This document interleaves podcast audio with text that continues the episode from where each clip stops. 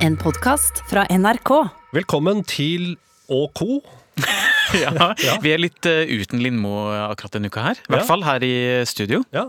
Eh, det er bare oss to, Rune. Mhm. Og da tenker jeg at den umiddelbare responsen der ute er jippi. Eh, endelig en podkast med to middelaldrende menn som snakker om seg sjøl. Ja, Det er jo et eh, vakuum i markedet eh, etter den type samtaler. Ja. For de voksne menn som snakker om eh, bil, eh, penger, eh, havarerte forhold, ja. og kanskje er så modig og moderne at de tør å liksom kjenne litt på hva slags følelser eh, det gir dem, og ikke minst dele med andre menn. ja, fordi det er blitt en greie i tida nå. At si. eh, voksne menn snakker om det som skjer eh, inni seg. Ja, og det er jo veldig fint det at noen gjør det, men eh, det har ikke jeg og du tenkt å begynne med. Nei, vi har ikke det. Nei, eh, og Greia er at eh, Anne har tryna på ski. Ja. Anne har endelig møtt uh, kong natur.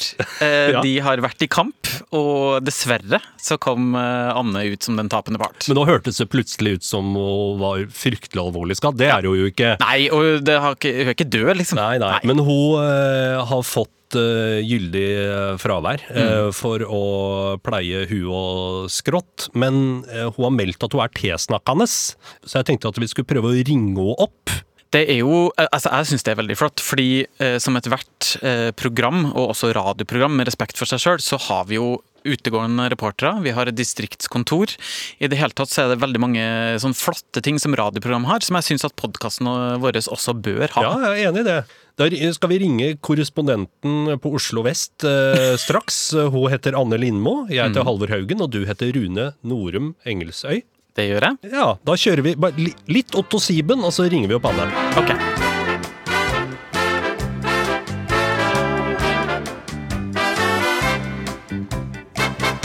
Anne, er du med oss? Hallo, nå hører jeg dere.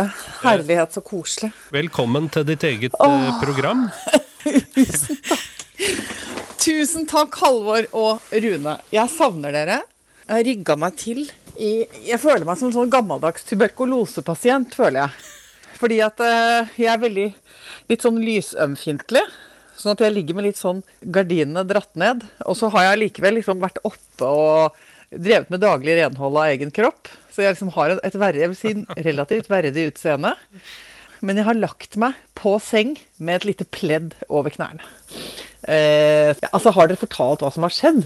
Eller er dette fortsatt nå gåtefullt for folket? Det var det jeg skulle si. Kanskje vi skal begynne med det, Anne. Ja. Kanskje du skal fortelle hva har skjedd, og hvor er du nå, og hvorfor er du der? Altså, Da må vi begynne med begynnelsen. Som så ofte i mitt liv, så begynte det med at jeg fikk lyst til å gå på tur. Og det, det inntreffer jo stadig vekk.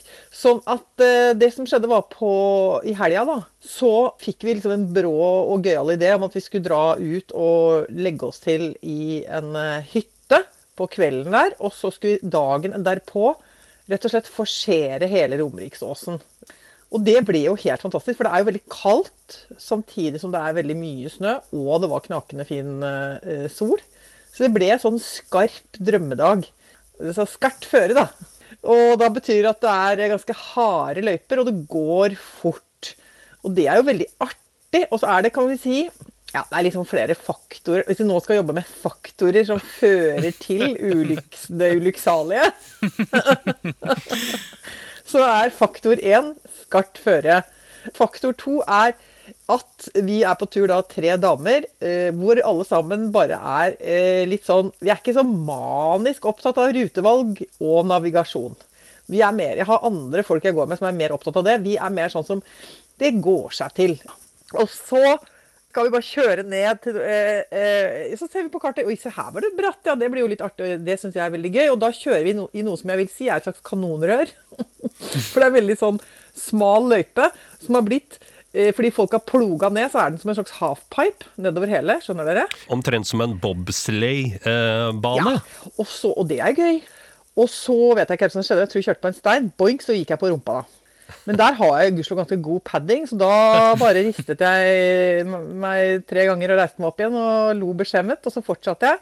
Og så var det noen svinger som var veldig krappe, og da på tredje svingen. For det første går bra. Andre begynner man å få litt sånn uro i kroppsbeherskelsen, og ting spasser seg litt til. Og på tredje så dret det seg helt, så da gikk jeg rett på snørra. Men Anne, når skjønte du at du hadde kanskje slått deg litt mer enn du trodde, da? Ja, det tok jo lang tid. Altså, jeg, ja, jeg Og jeg vet ikke om jeg har slått meg så veldig hardt, men og da jeg reiste meg opp igjen, så gjorde jeg jo den klassiske man uh, alltid gjør. Sånn det, Å, det gikk bra, det gikk bra, det gikk bra, det gikk bra. Og så var det først dagen etterpå, vet du, så begynte hodet mitt å si sånn Og øyelokka begyn- begynte å sige i Altså, jeg fikk ufattelig lyst til å gå og legge meg klokka ett på dagen.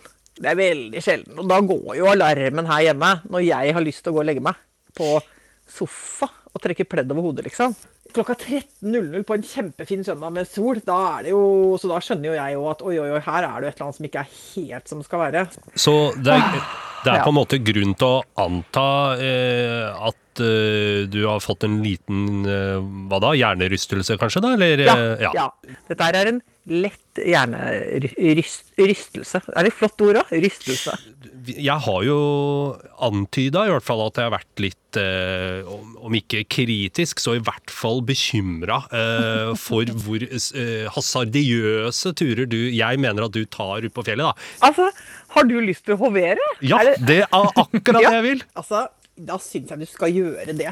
Altså, øh, jeg syns du skal hovere litt. For at det er jo et klassisk tilfelle av hovmod uh, som står for fall. Uh, fordi jeg overvurderer mine egne skiferdigheter. Og undervurderer hvor skarpt og bratt det var nedover der.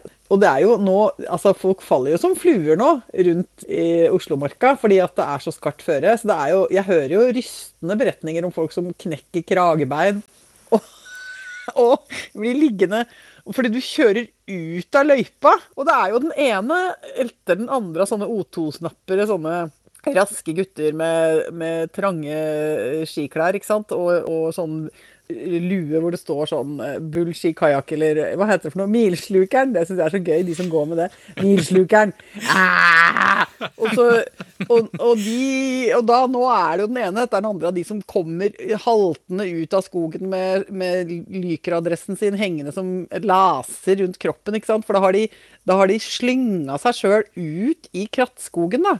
Og, og sitter klistra rundt et grantre, og alt går galt. Og det er jo smerter og tull og tøy, så de har jo ikke noe ja, ikke sant? Det er jo forferdelig. Man kan jo ikke ringe heller og, og, få hjelp, for det er for nedverdigende. Så da kommer de ut med knekte små fyrstikkski og, og trist mine og må hjem og slikke sår. Så det er jo en gøyal tid nå. Å, nå kommer Bamse. Det var koselig. Du, men eh, hvor er du forresten? Eh, Du er, du er i leiligheten, eh, Ja. men, men hvor i leiligheten er du? Du, altså jeg har jo lagt meg til nå på det eh, som før var rommet til Eivind. Men siden han er i Forsvaret, så har jo jeg nå valgt å innta hans liksom kvadratmeter. Og begynne å eh, nipse ned og puffe til og feminisere hans rom.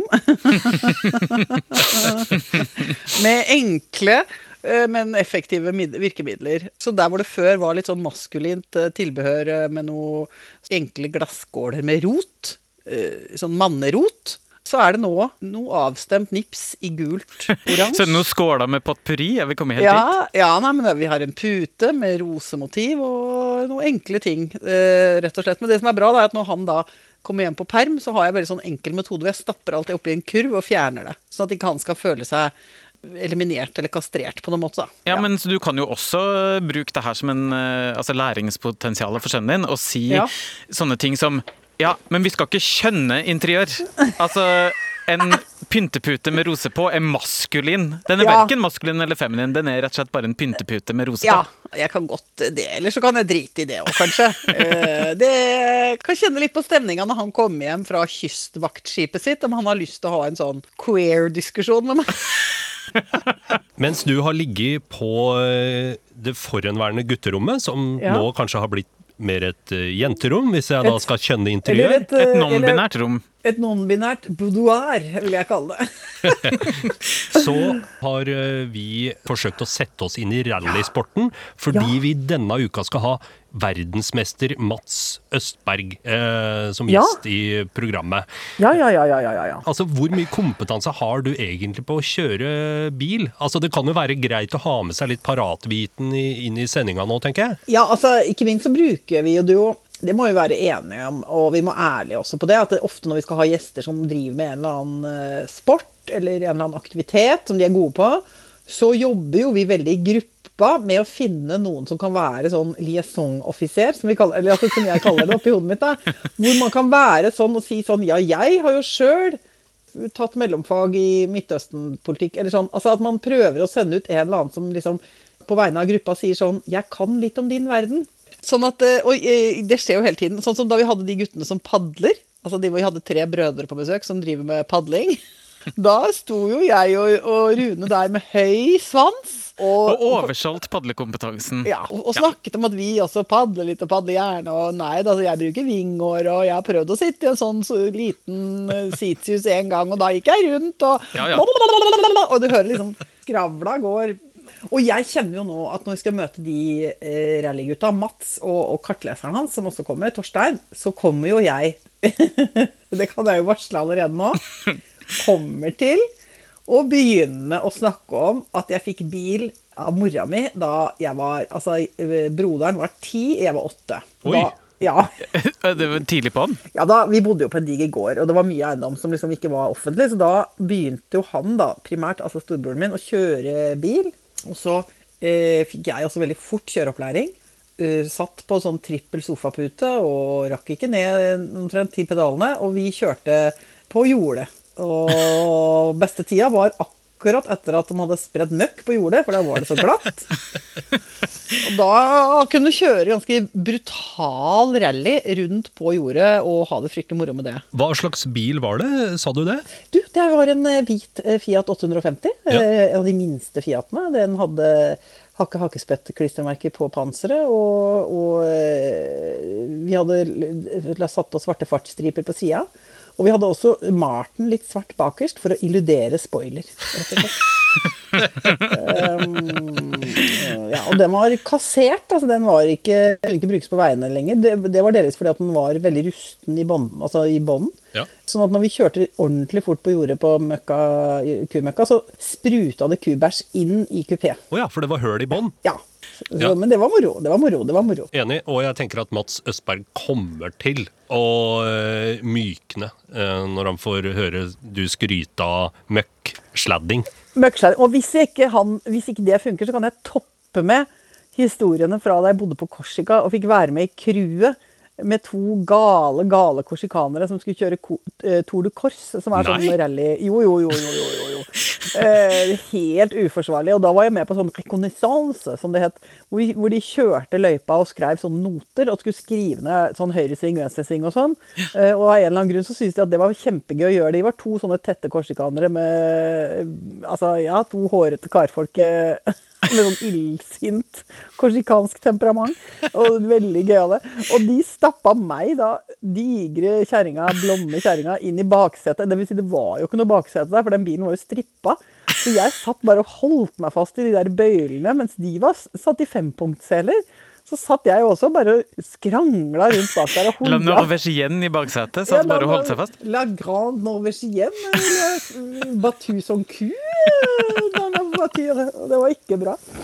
Altså Det er grenseland mellom eh, ja, gøy og farlig, og, og lovlig og ulovlig, som jeg liker. At man har noe av det med seg i- bagasjen, liksom. tenker jeg. Det er jo i krysningspunktet gøy og farlig at livet skjer. Ja, fy flate. Hvis det verste du liksom har gjort, er å få en bot for feilparkering, så mener jeg da har du ikke levd, liksom.